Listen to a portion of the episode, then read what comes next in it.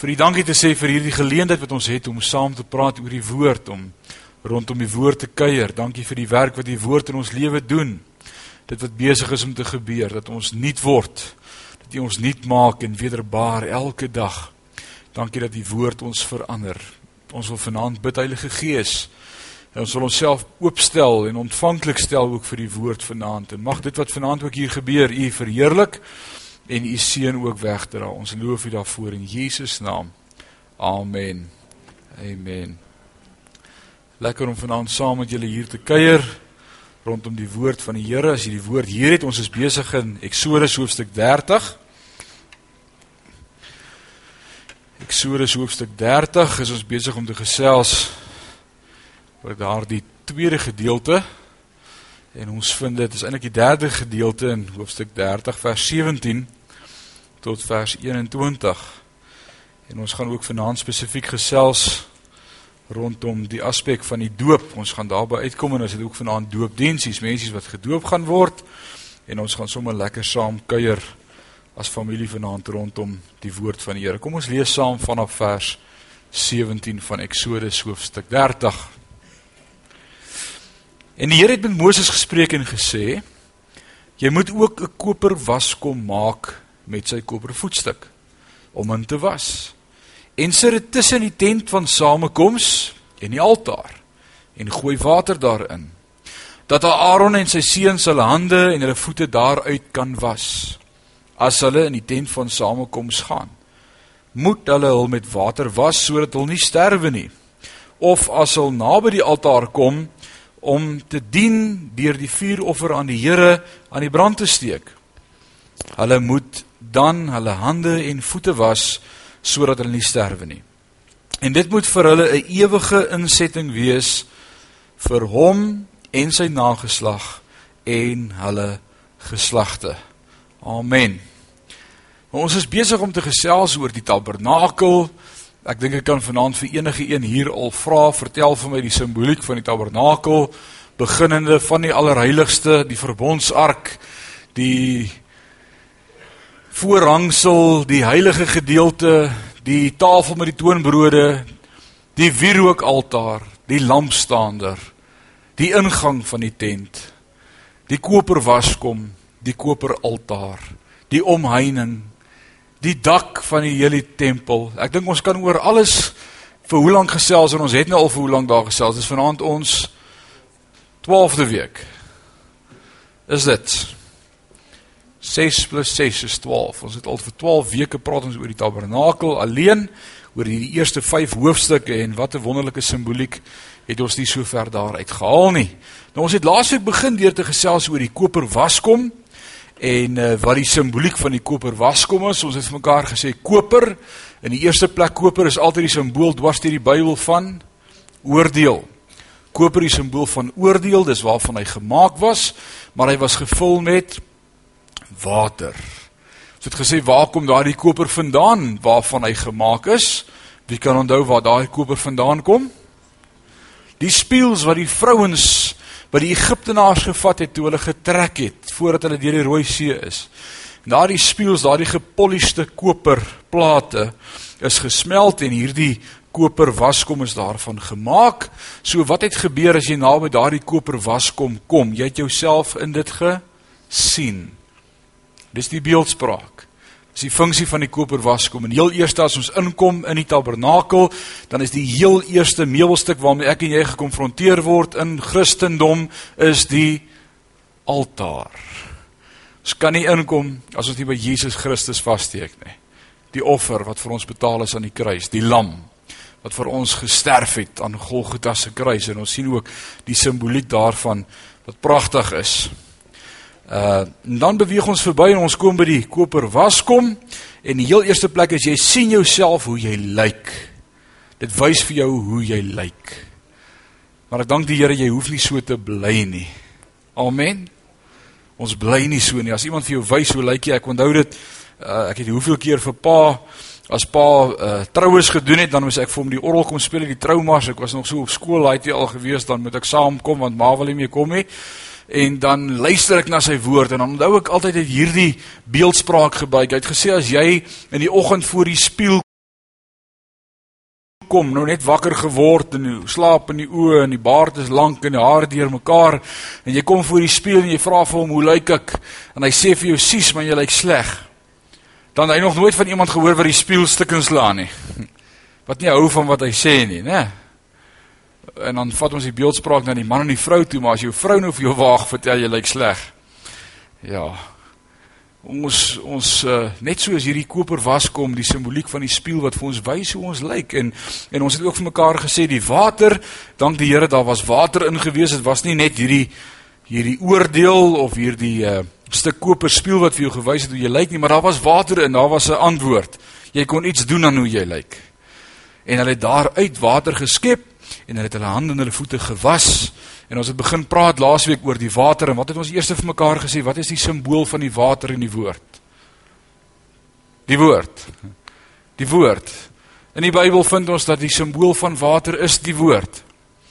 Dit is die woord. Uh Efesiërs 5, die gedeelte waar ons lees oor huwelik, sê ook nadat hy sy of nadat hy gereinig is met die waterbad van die woord die woord van Christus. Jesus sê self die woord wat ek tot julle spreek het julle gereinig. Die woord van God is water en dit reinig ons. So die funksie van daardie water en daardie koper waskom was ook verfrissend geweest sodat voordat hulle ingaan om diens te doen in die tempel, hulle skoon sou wees. Hulle hande en hulle voete is gewas. Uh, dit was stowwerig. Daar was nie mooi matte of teëls gewees daar in die terrein nie. Daar was nie gras wat geplant is nie. Dis in die woestyn en hulle het kaalvoet geloop en hulle is vuil. Al het hulle sandale aangetree, was die voete vuil en hulle hande is vuil want hulle het nou net met die wat gewerk daar toe hulle inkom met die altaar, met die offer. En hulle het geslag en dis bloed en hulle is vuil. En God sê moenie so inkom nie. Was af en hulle moes water skep en hulle het hulle hande en hulle voete gewas sodat hulle kan skoon wees. En dan sê die laaste vers 21, hulle moet dan hulle voete was sodat hulle nie sterwe nie en dit moet vir hulle 'n ewige insetting wees. Met ander woorde, dit tel van nou af vir altyd. Moenie in die tent inkom as jou hande en jou voete nie gewas is nie, as jy nie gereinig is nie, as jy nie skoon is nie. Alraai, maak skoon. Interessant, kan julle onthou toe ons besig was met hoofstuk 29? Toe het ons vir mekaar gelees daar met die eerste keer wat Moses vir Aaron en sy seuns moet bymekaar maak daar by die koper was kom. Kan julle onthou wat moes daar gebeur het? Wat moes Moses met hulle gedoen het die eerste keer toe hy hulle kleerrok moes aantrek, hulle nuwe rokke wat vir hulle gemaak is? Wat moes hy met hulle gedoen het? Hy moes hulle was. Kan julle dit onthou? Hulle is van hulle kop tot hulle tone gewas. Hierdie was daai was was nie net 'n hande en voete was gewees nie. Dit was 'n behoorlike bad gewees. Maar nie binne in die waskom nie. Die water is uitgeskep en hulle is gewas, hulle is skoon gemaak sodat hulle rein kon wees om as priesters diens te doen vir God. Wat sê die woord van die Here in 1 Petrus? Is dit 1 Petrus 2? Wat hy vir ons sê ons is 'n heilige priesterdom, 'n uitverkore geslag wat eenkant gesit is om diens te doen vir God. We are chosen generation, a holy nation, a royal priesthood, a, a peculiar people with the chosen one of God. Set aside for a specific task.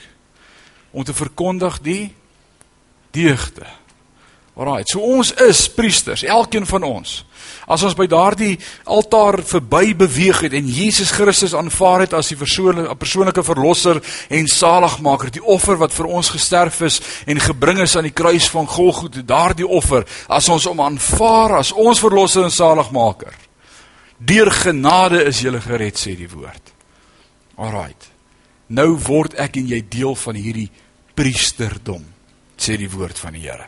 So elkeen van ons wat bely dat ons Christus aangeneem het, word ook priesters genoem deur die woord van die Here. En daardie funksie van daardie koper waskom was om hierdie priesters te reinig sodat hulle kan diens doen ook daar in die heilige gedeelte en in die allerheiligste. So ons vind hier van twee gedeeltes, Eksodus 29, Eksodus 30 en ons gaan ook in Levitikus 'n paar plekke lees van geleenthede en rituele waar hulle self moes was en moet bad. Nou kom ons steek vas by hoofstuk 30 waarmee ons besig is. Ons het gesê die water is die woord wat ons reinig. Hoe reinig die woord vir my en vir jou? Prakties, hoe reinig die woord ons? Deur die woord te lees. Wat gebeur as ek die woord lees? Die woord sê ons word oortuig. Hy sê die geloof kom deur die gehoor en die gehoor deur die woord. Die woord oortuig van sonde. Ook van my toestand, van hoe ek lyk. So wat gebeur as ek en jy tyd spandeer met God se woord? Hy sê vir jou nie net soos die koper daar hoe jy lyk nie. Daar's ook water wat jou reinig. Dit verander jou toestand. As jy tyd spandeer met die woord, wil ek vir jou waarborg jy kan nie dieselfde bly nie. As jy tyd spandeer in die woord van God en jy bly dieselfde onveranderlik, is daar 'n fout. Groot fout, regtig. Hoor wat ek vir jou Wie kan vanaand vinnig deur die ophef van 'n hand sê ek kan getuig daarvan dat tyd in die woord verander mens. Amen. Amen. Ek dink dis kosbaar, dis 'n getuienis vanaand. Tyd met die woord van God verander my en vir jou. En daarom is dit belangrik om tyd te maak vir die woord van God. En ons het laasweek vir mekaar gesê, een van die redes hoekom ons soms nie wil tyd maak vir God se woord nie, is juis omdat as ek by die woord kom, by daardie koper was kom, dan sien ek myself. En nou jy 'n keuse of jy sien jouself en jy vra Here, maar dis ook lyk like, wat moet ek nou doen sodat ek kan verander of jy gaan net die hele tyd kyk hoe lyk jy? En wie like dit om die hele dag te kyk hoe lyk jy en niks daaraan te doen nie? Niemand hou daarvan nie. Ek bedoel jy maak 'n plan as jy sien hoe jy lyk. En ek dink dis baie keer wat gebeur in kinders van die Here se lewe. Is ons lees die woord en lees die woord en dan sien ek, "Wag, ek het nog baie sonde. Ek's daarom Ooh, ek's nog nie waar ek moet wees nie. Ek gaan die woord bietjie bære. Ek is nou nie hierdie week lus vir Bybel lees nie. Dit dit veroordeel my. Ouens, die Heilige Gees praat met jou en hy lê sy vinger op plekke in jou lewe en hy sê werk daaraan. Gee God kans, nooi hom, sê Here, ek dank U het gekom vir my om my te verander kom verander my. Moet dit nie so los nie, ouens. Dis wat die woord doen. Die woord kom maak jou nuut. Die woord kom maak jou skoon. Dit was ons hande en ons voete sodat ons kan diens doen voordat ons ingaan. Dan is die doop of hierdie water nie net 'n simbool van die woord nie, maar is ook 'n simbool van die Heilige Gees. Water deur die woord is altyd 'n simbool ook van Gees. Jesus met die vrou by die put. Onthou julle dit? Waar is dit Johannes hoofstuk 4? Hy sê vir haar as jy kom drink van my water sal jy nooit weer dors nie. Hoe drink 'n mens van God se water? Hoe kry ons hierdie water gedrink? Deur die woord te lees? Ja, hoe nog? Wie het nog iets gesê? Dis die Heilige Gees ook. Die Heilige Gees, hoe ontvang ek en jy die Heilige Gees? Ons het vanmôre 'n wonderlike woord daaroor gehad en gehoor dat ons onsself gedurig moet oopstel en sê, "Kom, Here, ek wil meer hê van U. Verander my, werk in my. Daar moet 'n ontvanklikheid by my en by jou wees." As my laait hierdie dors het en dink jy ek gaan vir hom koeldrank gee by die huis. Nee, hy hy moet in die eerste plek dors hê, in die tweede plek moet hy moet sê ek het dors. En dan sê die Vader, ek sal vir jou water gee en jy sal nooit weer dors hê nie. Met ander woorde, daar moet 'n begeerte wees. Vir enigiets. Die Here dwing homself nie op ons af nie, ouens, daar moet 'n begeerte wees. Amen. Kan jy onthou aan aan jou lewe toe jy tot bekering gekom het? En ek en ek dank God, ek het verlang gedink Wow, ek het die Here gekies. Vandag besef ek hy het my geroep.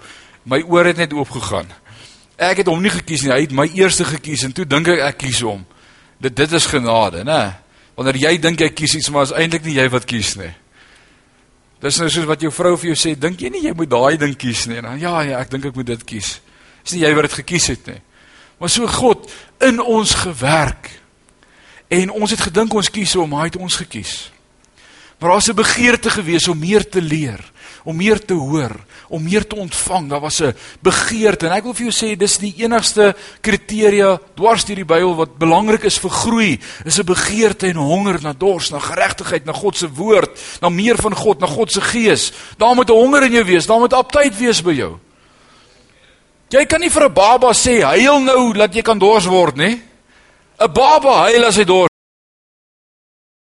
het. Wie weet dis die waarheid. Jy hoef nie vir hom te sê dis nou tyd om te huil nie. Of 'n horlosie te stel vir so laat nie. Daar daar gebeur 'n spontane ding. As daai kind honger is, dan roep hy. Ouens en ek en jy moet leer om om hierdie honger wat die Heilige Gees in ons hart gesit het, om gehoorsaam te wees, om die woord te vat, om tyd te maak vir die woord, om tyd te maak vir gebed. Wie van julle het hierdie week eerlik gevoel Ja, ek is so besig, ek wil ek wil net bietjie tyd maak om net bietjie stil te wees met die woord, maar jy het nie regtig daarby uitgekom nie. Weet jy waarvan ek praat? Jy iewers in jou hart het daar op 'n stadium gedink, "Wow, ek wens ek kan net eh, die foon afsit en alles net bietjie stop en net maar ek is so besig en dan gaan jy net aan." Wie daardie wil in jou gesit? Wie daai saadjie geplant en gesê, "Ek soek meer van jou. Ek trek jou bietjie nader." En ek en jy moet leer om te luister. Ek en jy moet leer om gehoorsaam te wees om te sê eh, ja ja ja. Ek ek ek wil meer. Here hier is ek. Ek gee myself. En dit hoef nie lang gesprekke te wees nie. Dit hoef nie ure te wees nie. Die woord van die Here leer ons in Matteus hoofstuk 6 as hy ons leer bid.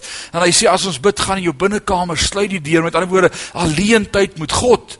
En as dit net so kort gebedjie wat hy vir ons leer bid. Hy sê moenie soos die tollenaars wees wat op die strate staan en lang gebede bid en dink dat die Here na lang gebede luister nie kort en kragtig. En daarom hoef ons nie lank te bid om te dink ons beïndruk God of ons soek God nie. Partykeer is dit net om 'n deur toe te trek en te sê Here, ek kan nie hierdie dag verder gaan sonder U nie. Ek ek wil net bietjie met U praat. Ek voel so onstuimig in my hart en binneste. Ek wil net bietjie met U praat en begin met die Here te gesels, net sommer net. En dis dis lekker.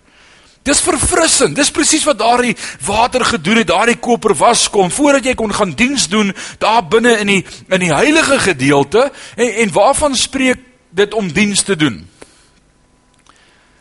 Die leviete wat daar ingegaan het in die in die priesters wat daar gaan ingaan het om te werk. Waarvan spreek dit in my en jou lewe as ons sê ons is ook priesters, ons is ook 'n 'n priesterdom. Waarvan praat dit? Van diens om diensbaarheid te betoon, om dit ook verander te bedien. Ons is moenie net in hierdie saak vir onsself nie. Ons is maar net gered vir onsself nie. Nee, ons is ook daar om verander 'n blessing te wees. Die die tafel met die toonbrode. Ouens, wat verteenwoordig hy toonbrode? Ons was hier gewees daai aand. Die woord van God. My en alles is omtrent die woord van God. Dis Jesus. Om die woord te vat en die woord ook te kan breek met ander en dit te kan deel om diens te doen in die tempel. Wat is daai altaar met die reukoffer? Wat wat is daai reukoffer voor God? Die gebede, intersessie, voorbidding.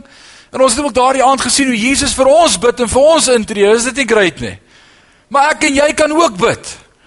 Daar's nie een van ons vanaand in hierdie plek wat sê ek ek ek, ek, ek kan nie bid nie. Elkeen van ons kan bid. Elkeen van ons weet hoe om te bid.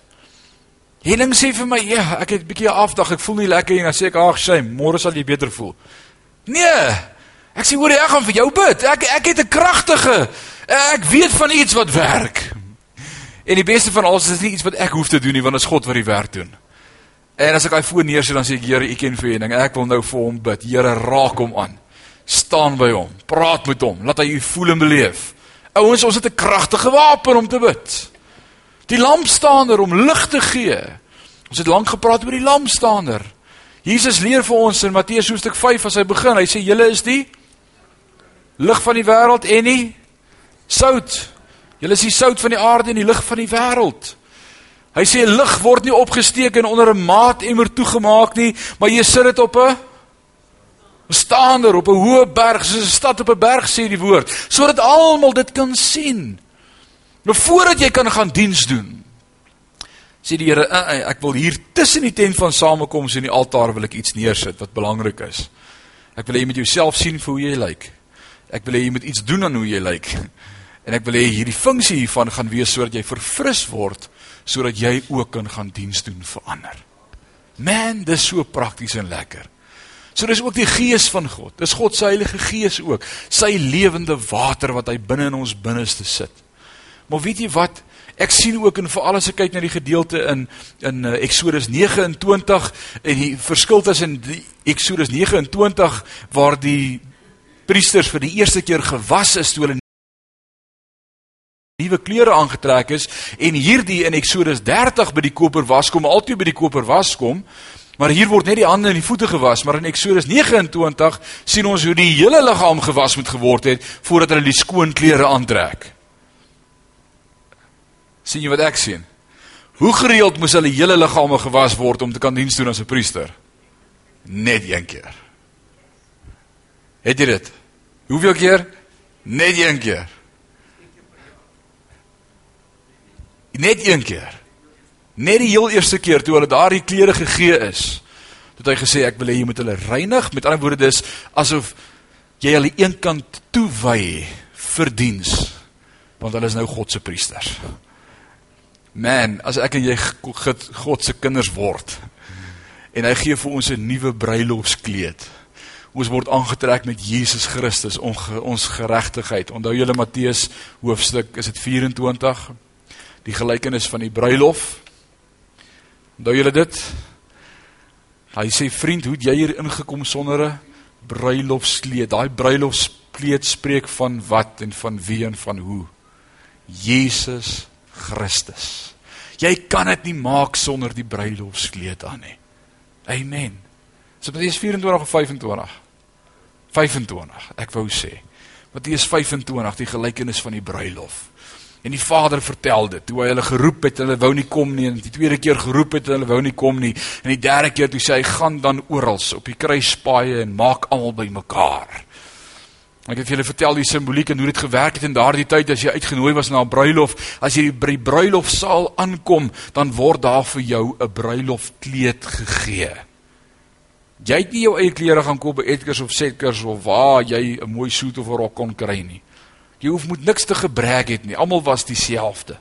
Almal het dieselfde gelyk.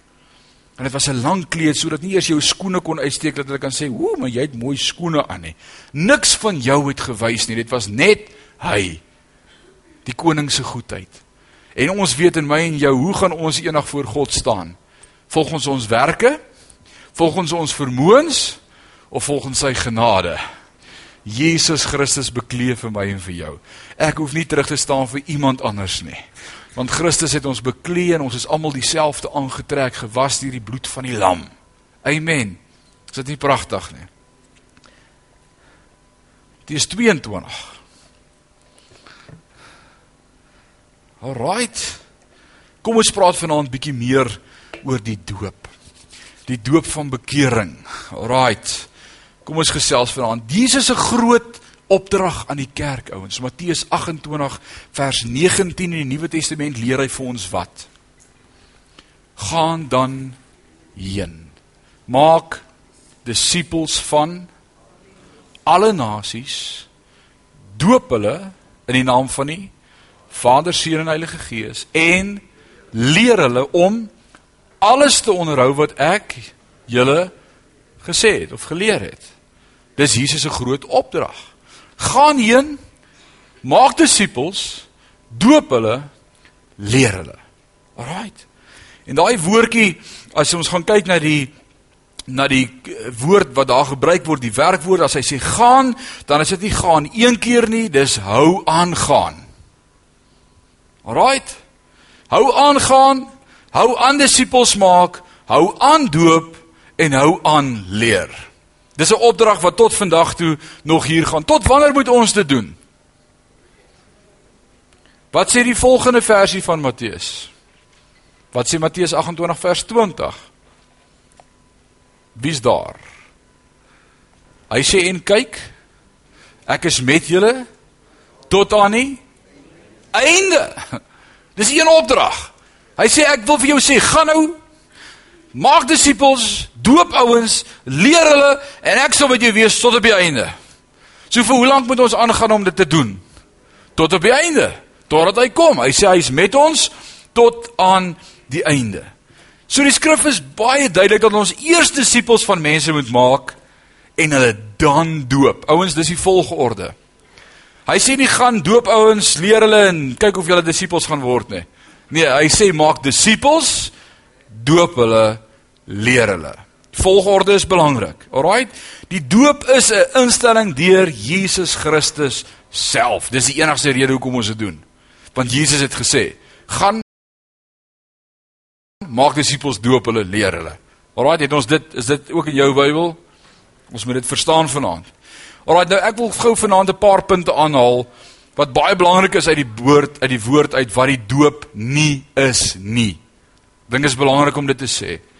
Baie ouens vra my ek verstaan nie die doop nie. Ek verstaan, ek gaan dit vanaand vir jou prakties verduidelik. Ek wil hê jy moet dit verstaan vanaand en daarom gaan ek vir jou sê wat is die doop nie. In die eerste plek, die doop is nie 'n naam kry plek geleentheid nie. Ons gee nie jou naam vir jou as ons jou doop nie. Alraight? Dis nie in die Bybel nie, ouens. Ons kry dit nie. In die tweede plek, die doop is ook nie net 'n tradisie of 'n kultuur of 'n ritueel of 'n gewoonte om te doen omdat almal dit doen nie. Asseblief, dis nie wat die doop is nie. Amen. Dis beslis nie wat die doop is nie. In die derde plek, die doop hou geen verband met die Ou Testamentiese verbond nie. Dink is belangrik om dit te sê. Daar's regtig 'n mispersepsie as dit kom by dit wat dink dalk hou die doop verband met die Ou Testamentiese verbond. Ouens, nêrens in die Bybel vind ons dat die doop enigsins verband hou met die Ou Testamentiese verbond nie. Inteendeel, en ek gaan dit vanaand vir jou lees, 'n paar plekke waar die Here vir ons sê dit is nie belangrik nie. Alraai, die die verbondgedeelte. En dit kan jy self gaan lees in Genesis 17 van vers 10 af tot vers 14 wat hy praat oor die verbond en wat die verbond behels het om te kyk en jy sal nêrens daar sien dat die kleindoop of die gedoop enige verband hou met die Ou Testamentiese verbond en die doop nie. Dan, wat sê Hebreërs 8 vers 6? Hy sê maar nou het hy 'n voortreffelike bediening verkry vir sover hy ook middelaar is van 'n beter verbond wat op beter beloftes wettiglik gegrond is. Ek en jy en dit moet jy vanaand besef as ons in Christus is, is deel van 'n nuwe belofte. Sê amen. Ons het nie meer daardie ou belofte wat met Abraham aangegaan was nie. En dit was net vir Israel. Jesus het vir my en vir jou, vir elkeen wat sonde bely, het hy 'n middelaar geword. Daar's verzoening vir my en vir jou. Dis hoekom ons hierdie Nuwe Testament die blye boodskap noem. Ons is deel van baie beter beloftes as wat Abraham sou gekry het. Amen. Prys die Here daarvoor. Hebreërs 12 vers 24 sê en by Jesus die middelaar van die Nuwe Testament en die bloed van die besprinkeling wat van beter dinge spreek as Abel. Ek dank die Here vir sy bloed, Jesus Christus se bloed wat vir my en vir jou gevloei het. Ons het baie beter beloftes. Daar's redding, daar's daar's oorwinning, daar's bevryding, daar's genesing. Man, dis awesome. Alraight. In die vierde plek, wat is die doop nie? Ek wil sê daar is geen ooreenkoms tussen die doop en die besnydenis nie. Nêrens in die Bybel kry ek dit nie. Volgens die Ou Testamentiese verbond is slegs Joodse seentjies besny sou dit dan beteken dat slegs klein seentjies besprinkel mag geword het. Ouens, en dis hoekom daar baie vrae daaroor is en ek wil nie vanaand daaroor praat nie. So wat gebeur as ons dan nou dogtertjies ook besprinkel? Is dit nou teenstrydig met God se woord of waar dit verander? Iewers moet ons mekaar sê wat sê die woord? En ek wil hê jy moet vanaand daaroor dink. Wat sê God se woord? As die doop wel in die plek van die besnydenis gekom het en hier wil ek net vir jou iets gee om te dink word die doop waardeloos en beteken niks nie want die volgende versie Galasiërs 6 vers 15 want in Christus Jesus het nog die besnydenis nog die onbesnedenheid enige krag maar net 'n nuwe skepsel. Hoor jy dit? Galasiërs 5 vers 2 sê kyk ek Paulus sê vir julle dat as julle julle laat besny Christus vir julle tot geen nut sal wees nie Christus het gekom, daar's 'n nuwe verbond. Ons is losgesny van die ou verbond wat gesê het so ons is in 'n nuwe verbond. Dis belangrik om dit te verstaan. Sonder watter verbond wil jy staan vir aan, die ou verbond of die nuwe verbond? Want Galasiërs sê vir my as jy in die ou verbond wil vashou vir redding, sal Christus vir jou tot geen voordeel wees nie. Met ander woorde dan hoop ek die wet gaan jou red. Want as jy losgesny van Christus, ouens, dis vreeslike woorde. Alraight. Alraight. Die vyfde plek, die doop gaan ook nie om lidmaatskap van 'n gemeente nie. Ouens, Die die doop maak jou nie vanaand 'n lidmaat van hierdie gemeente nie. Ja, ons het gedoopte lidmate en ons het lidmate wat nie gedoop is nie, maar die doop maak nie vanaand vir jou 'n lidmaat van hierdie gemeente nie. Dit verseker ook nie vir jou plek in die hemel nie. Alraight, ek gaan nie die telegram vanaand stuur en sê so en so is op pad nie. Dit dit is nie wat dit beteken nie. Ten slotte, maar ook baie belangrik, is die doop volgens die Bybel beslis nie besprinkeling nie. Dis dis nie doop nie en jy kan self gaan kyk as jy die moeite wil doen om uit te vind waar kom besprinkeling vandaan van die vroegste tye af toe die Rooms-Katolieke daarmee begin het uh, dat hulle verkondig het as jy nie gedoop is nie gaan jy hel toe as jy sterf. Dit was 'n teologie wat hulle begin versprei het. As jy nie gedoop is nie, gaan jy hel toe. En weet jy wat? Dis vir my so sad. Tot vandag toe nog is daar mense wat glo as 'n kind die ouderdom van 5 jaar bereik en hy sou sterf en hy's nie besprinkel nie, gaan hy hel toe. Dit staan in geloofsbelijdenisse van kerke. Sad. Maar weet jy wat? Jesus sê aan sulkes behoort die koninkryk van God. Aan sulkes behoort die koninkryk. So mense was bang want die kerk het hulle probeer manipuleer en ons sien ook in die vroeë Rooms-Katolieke kerk toe hulle hierdie wet uitgebring het wat volgens hulle wet was dat as mense nie gedoop is nie, gaan hulle hel toe. Het mense op die markpleine bymekaar gekom in hulle honderde en die Rooms-Katolieke priesters het besems in water gesit en hulle sommer so gebesprinkel dat hulle net gedoop kom. Terrible. Dit was 'n menslike instelling gewees. Alraight. Sonder enige Bybelse oortuigings. Kom ons los dit een kant. Wat is die doop dan? In die eerste plek moet ons vir mekaar sê wat beteken die doop? Die Nuwe Testament in die Grieks is in die Grieks geskryf en die Nuwe Testament word die woordjie doop baptizo beteken om heeltemal onder in te druk. Dis wat die woordjie baptizo beteken in die Griekse vertaling. Baptizo beteken om in te druk. Met ander woorde, ek sal my beskuit en my koffie baptizo. Ek druk vir hom heeltemal in. Alraai, dis baie maklik om te verstaan. Die woord baptizo.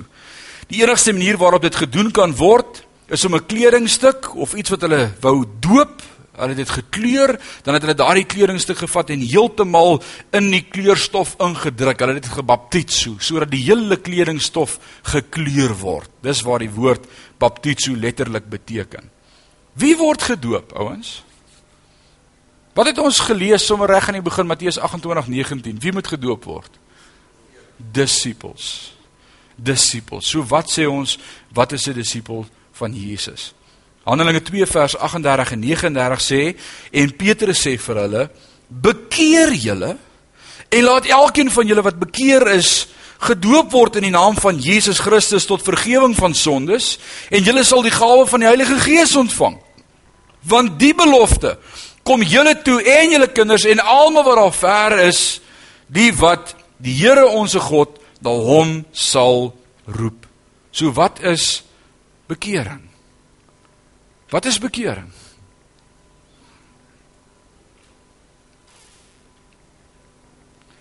Om jou tot God te bekeer, om om te draai van jou sonde 180 grade draai te maak weg van die pad wat jy geloop het om tot nuwe insig te kom om God aan te neem in my lewe om te sê Here help my om te verander. Dis alles die deel van bekering. Maar Markus 16:16 16 sê hy wat glo en hom laat doop sal gered word. Maar hy wat nie glo nie sal veroordeel word. Handelinge 2 vers 41 Die wat toe die woord met blydskap aangeneem het is ook gedoop. En daar is op die dag omtrent 3000 siele toegebring.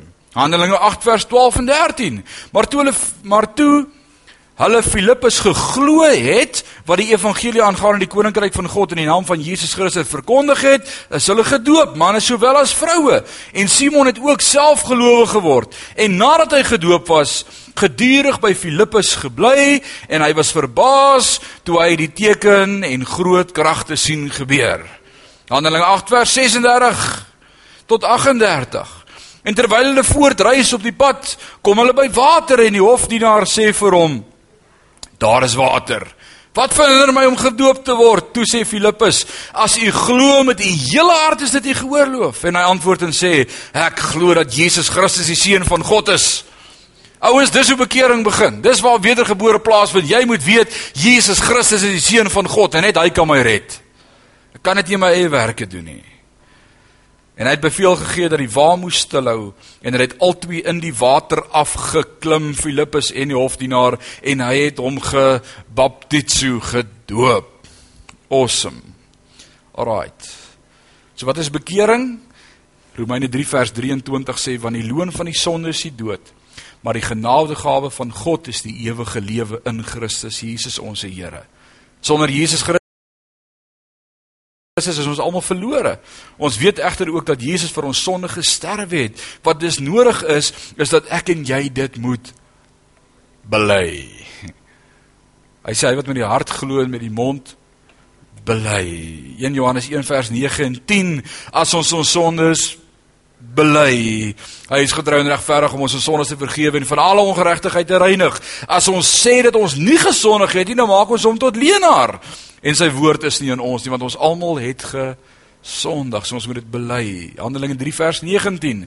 Kom dan tot inkeer en bekeer julle sodat julle sondes uitgewis kan word en tye van verkoking vir die aangesig van die Here mag kom. Verkoking, wat het ek laasweek vir jou gesê was deel van die funksie van daardie koper waskom en daardie water om jou te verfris, om jou vars te maak. Hier kom die woord en hy gebruik die woord verkoking. Alraight. Ouens kan ons onsself red. Ek ek ek ek kom die laaste ruk agter eh, en ons moet mooi oppas hoe ons praat, maar kom die laaste ruk agter met 'n paar ouens met wie ek praat wat sê toe ek my bekeer het of toe ek my gered het, dink ek, man, my hoe het jy dit reg gekry? Ek het so lank geprobeer. Jesus moes dit doen vir my. Ek ek kan myself nie red nie. Ek kan 'n besluit maak om tot bekering toe kom om my te bekeer. En hoe lees ek dit? Is dit skriftuurlik? Die woord van die Here leer my as hy die sendbriewe skryf van die gemeentes in Openbaring 2 en 3, hoeveel gemeentes was daar? 7.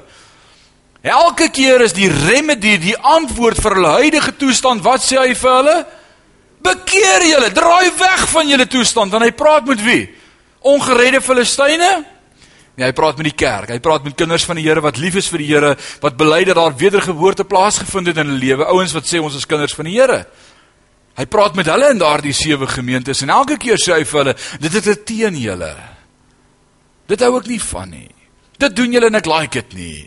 Bekeer jou daarvan. So bekering is 'n proses wat lyk like dit vir my gaan aanhou tot ons gaan sterf. Elke dag as jy agterkom met die woord, ons kom by daai koper waskom en ek sien hoe ek lyk en ek dink Here, maar ek was al soveel keer hier verby en ek het gedink ek sou raai en vandag sien ek iets nuuts. Wow, jy like dit nie. Help my dat ek daarvan sal bekeer. Sien hoe dit werk.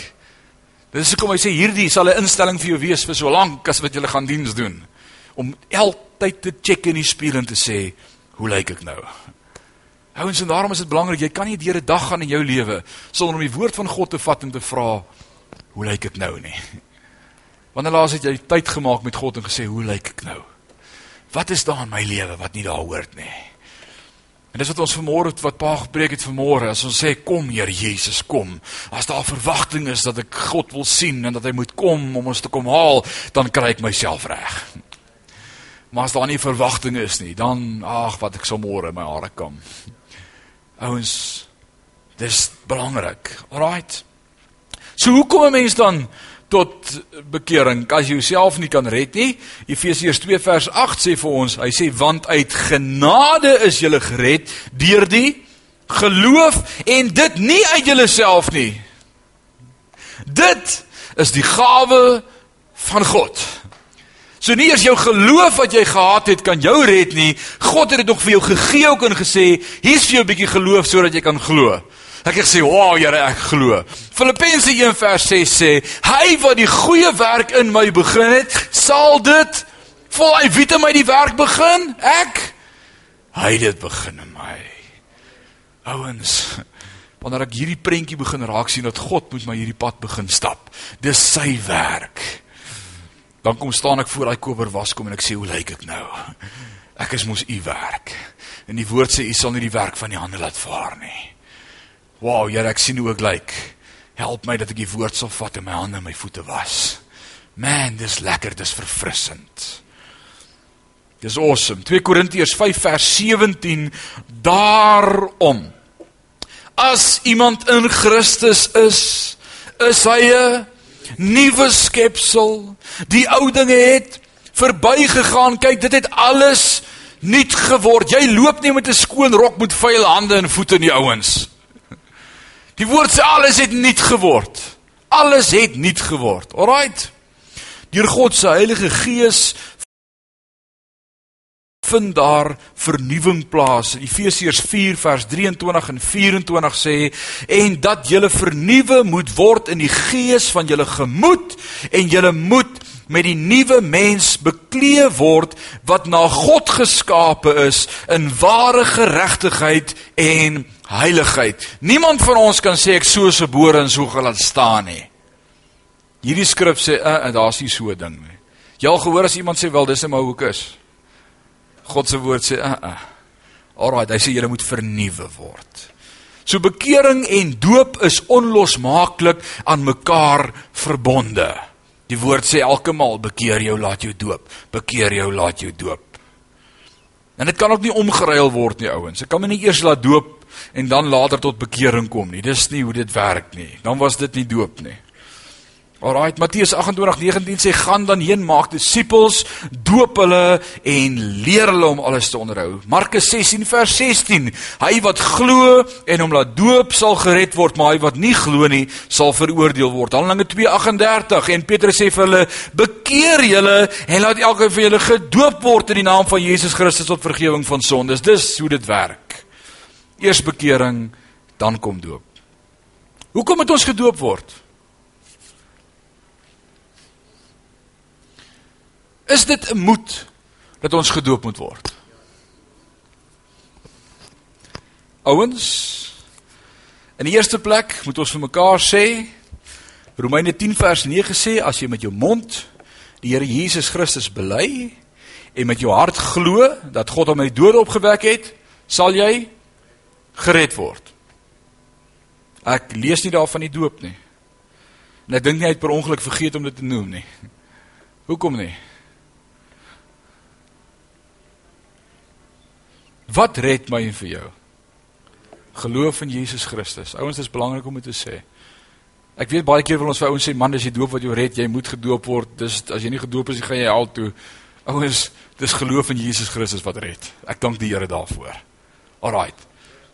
Dis gehoorsaamheid. Dis wat dit is. Die doop is 'n stap van gehoorsaamheid en ons gaan nou daaroor praat, maar die doop as sulks red jou nie. Alraight.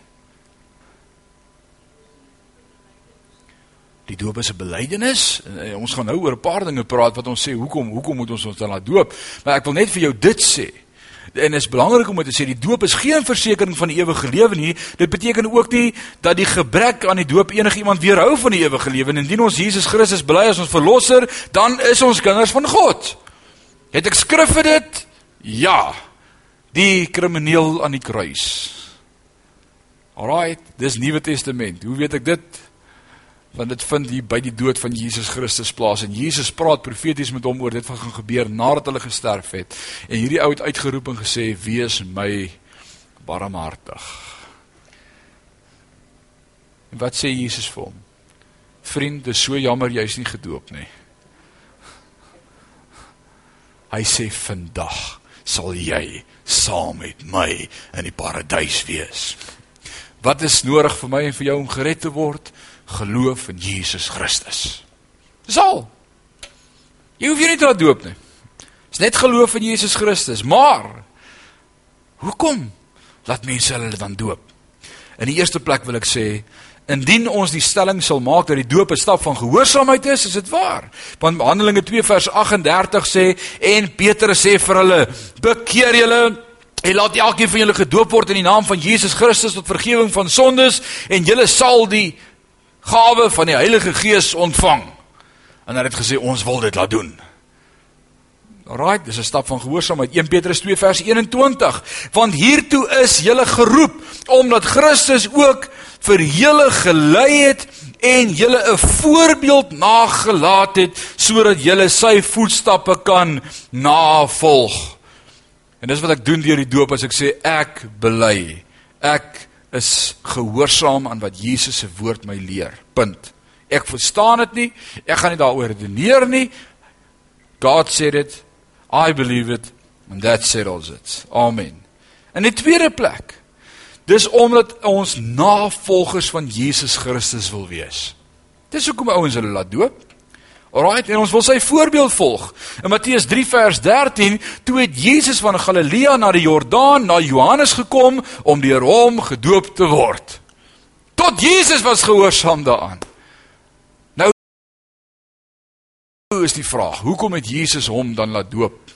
As ons sê Jesus het nie sonde gehad nie en Jesus het nie sonde gedoen nie, hoekom het hy hom laat doop?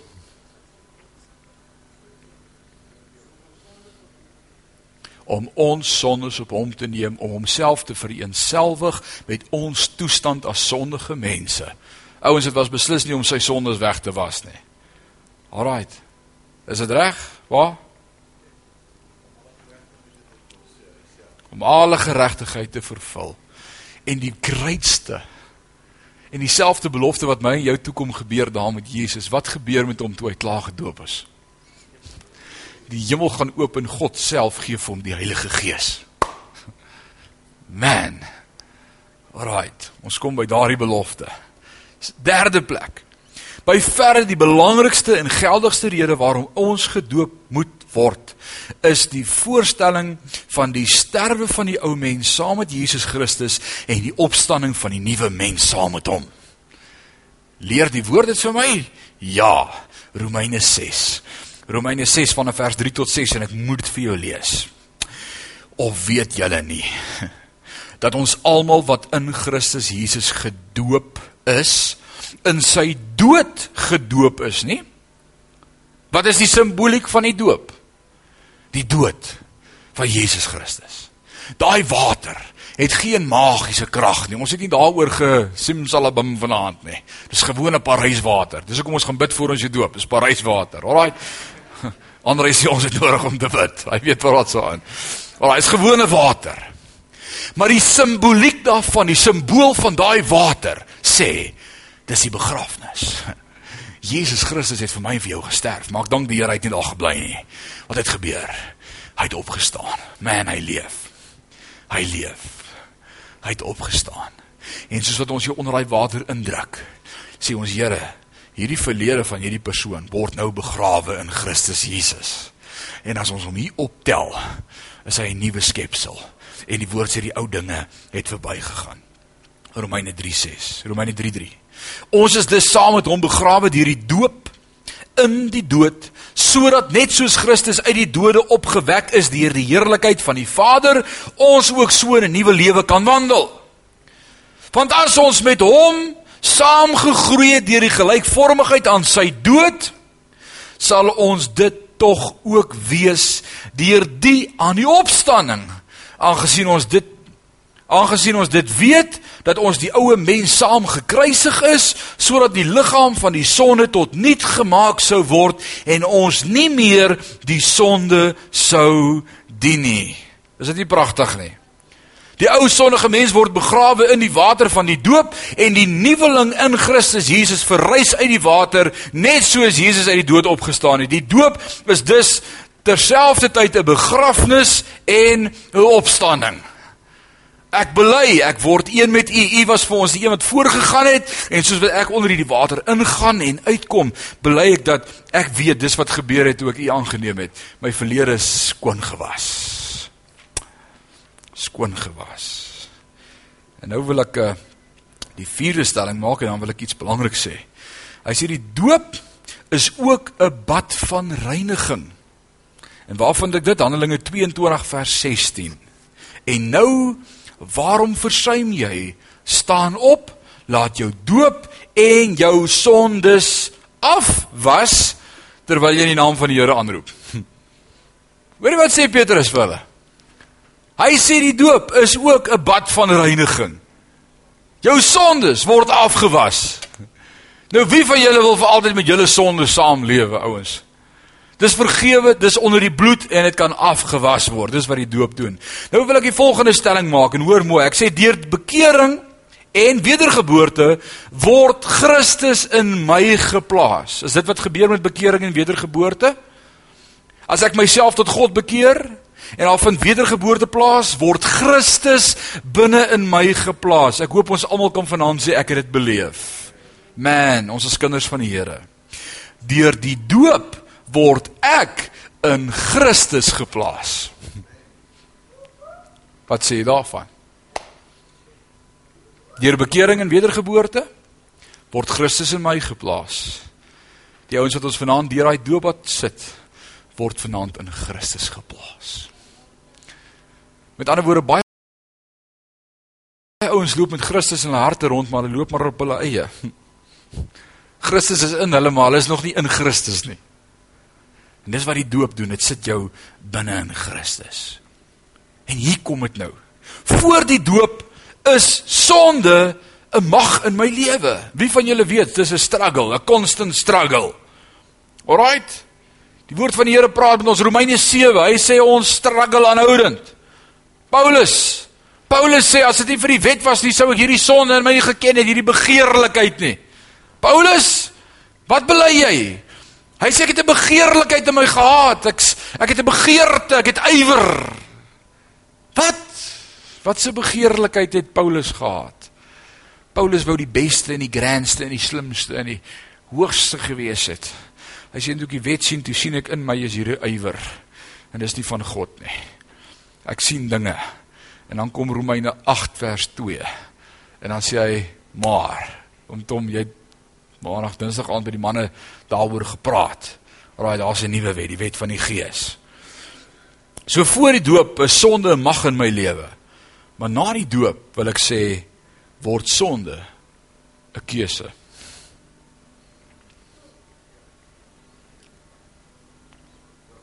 Voor die doop het sonde hou vas in my lewe. Na die doop is sonde by my en by jou 'n keuse. Ons hoef dit nie meer te doen nie. Want ek het gesterf vir die vlees. Romeine 6. So voordat jy nie gesterf het nie, in Christus en 'n nuwe skepsel is wat daar opstaan en sê die ou dinge het nie meer hou vas op my nie. Moenie verbaas wees as dieselfde dinge aanhoudend aan jou deur klop en sê hier's ek weer doen my. Jy gaan dit weer doen en weer doen en weer doen en weer doen en weer doen. Want dit is 'n wet. Dis die wet van die vlees. Maar die oomblik as jy gesterf het, dan kom daar 'n nuwe wet in werking en in wording in jou lewe. En sonde word 'n keuse. Wat sê jy daarvan? Stem jy saam sê amen. Volgens die woord van God is daar slegs hoeveel dope? Een doop. Alraai, Efesiërs 4 vers 5 sê dit. Hy sê daar's een Here. Daar's een geloof en daar's een doop.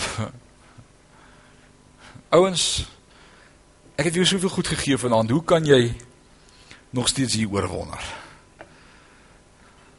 Dis die doop, dis hoe die doop werk. En dis die funksie ook van hierdie dit waarmee ons gekonfronteer word by hierdie koper waskom as ons daar kom. Voordat ek kan gaan diens doen hier binne.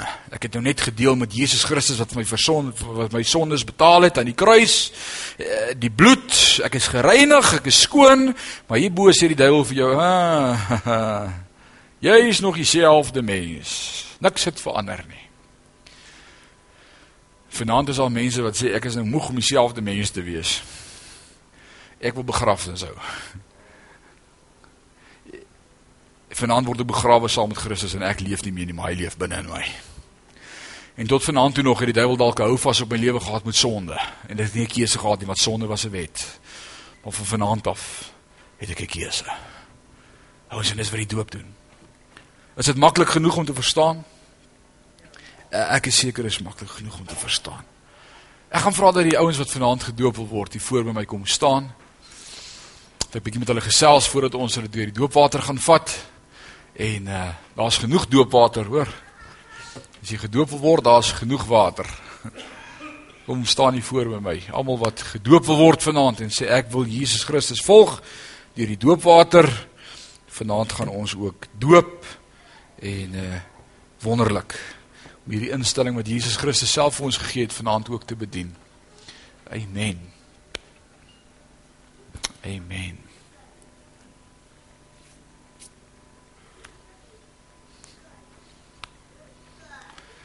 Amen. Daar's hy. Pragtig. Ons gaan vanaand vir hulle doop, so om Dawid, dan die magtig greef en dis Kobus en Petro. Gaan ek weer julle van vergeet. Nel. Nel. Hulle het uh, so ruk gelede by ons gemeente aangesluit en gesê dis waar die Here hulle, hulle staanplek gegee het en waar hulle voel dat die Here met vrymoedigheid saam met die Here en saam met die heiliges kan aanbid en kan dien.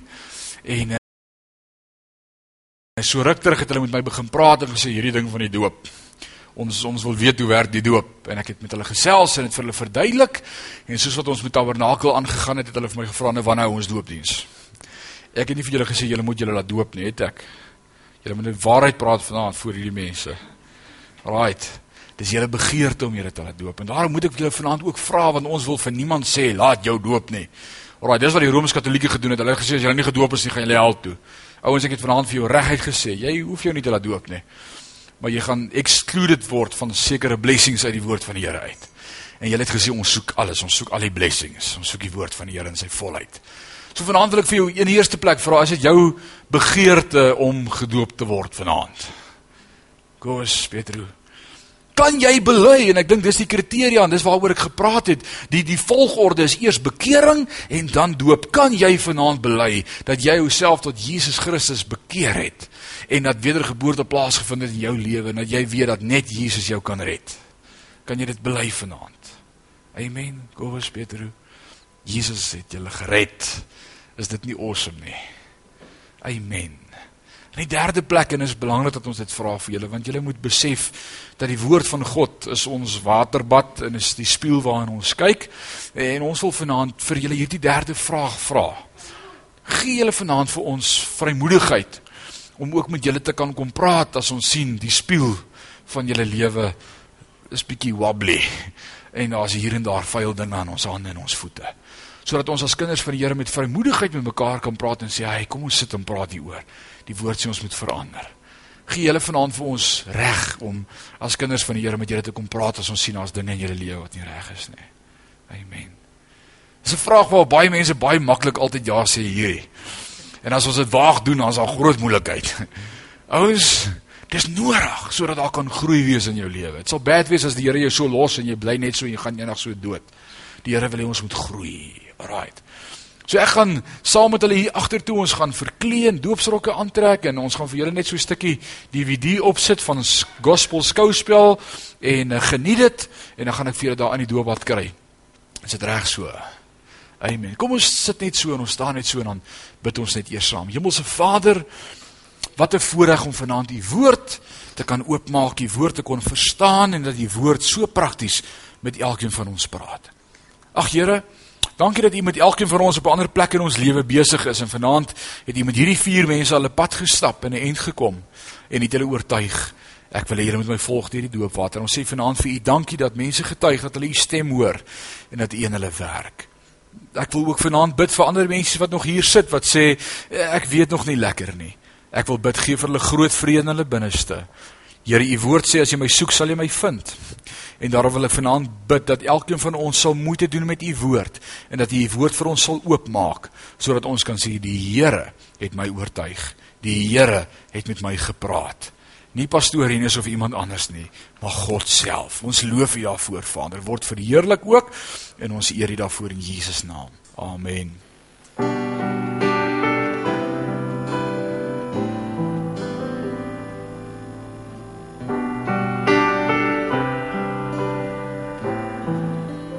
Sien ons Here God, sien Afrika. Laat haar mag tot in die hemel reik. Hoor ons as ons in gebede vra. Sien ons in Afrika kinders van Afrika. Hou u hand o hier oor Afrika. Lei ons tot by eenheid en begrip. Maak ons van ons sonde ewig vry. Seën ons in Afrika kinders van Afrika. Down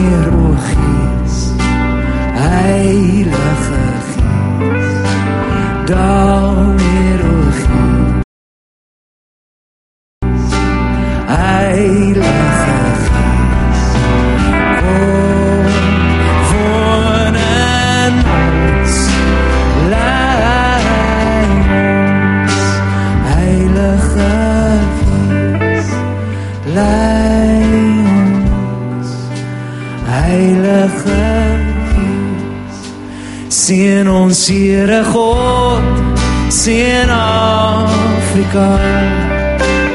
Neem dan nou die boosheid van ons weg. Maak ons van ons sonde ewig vry.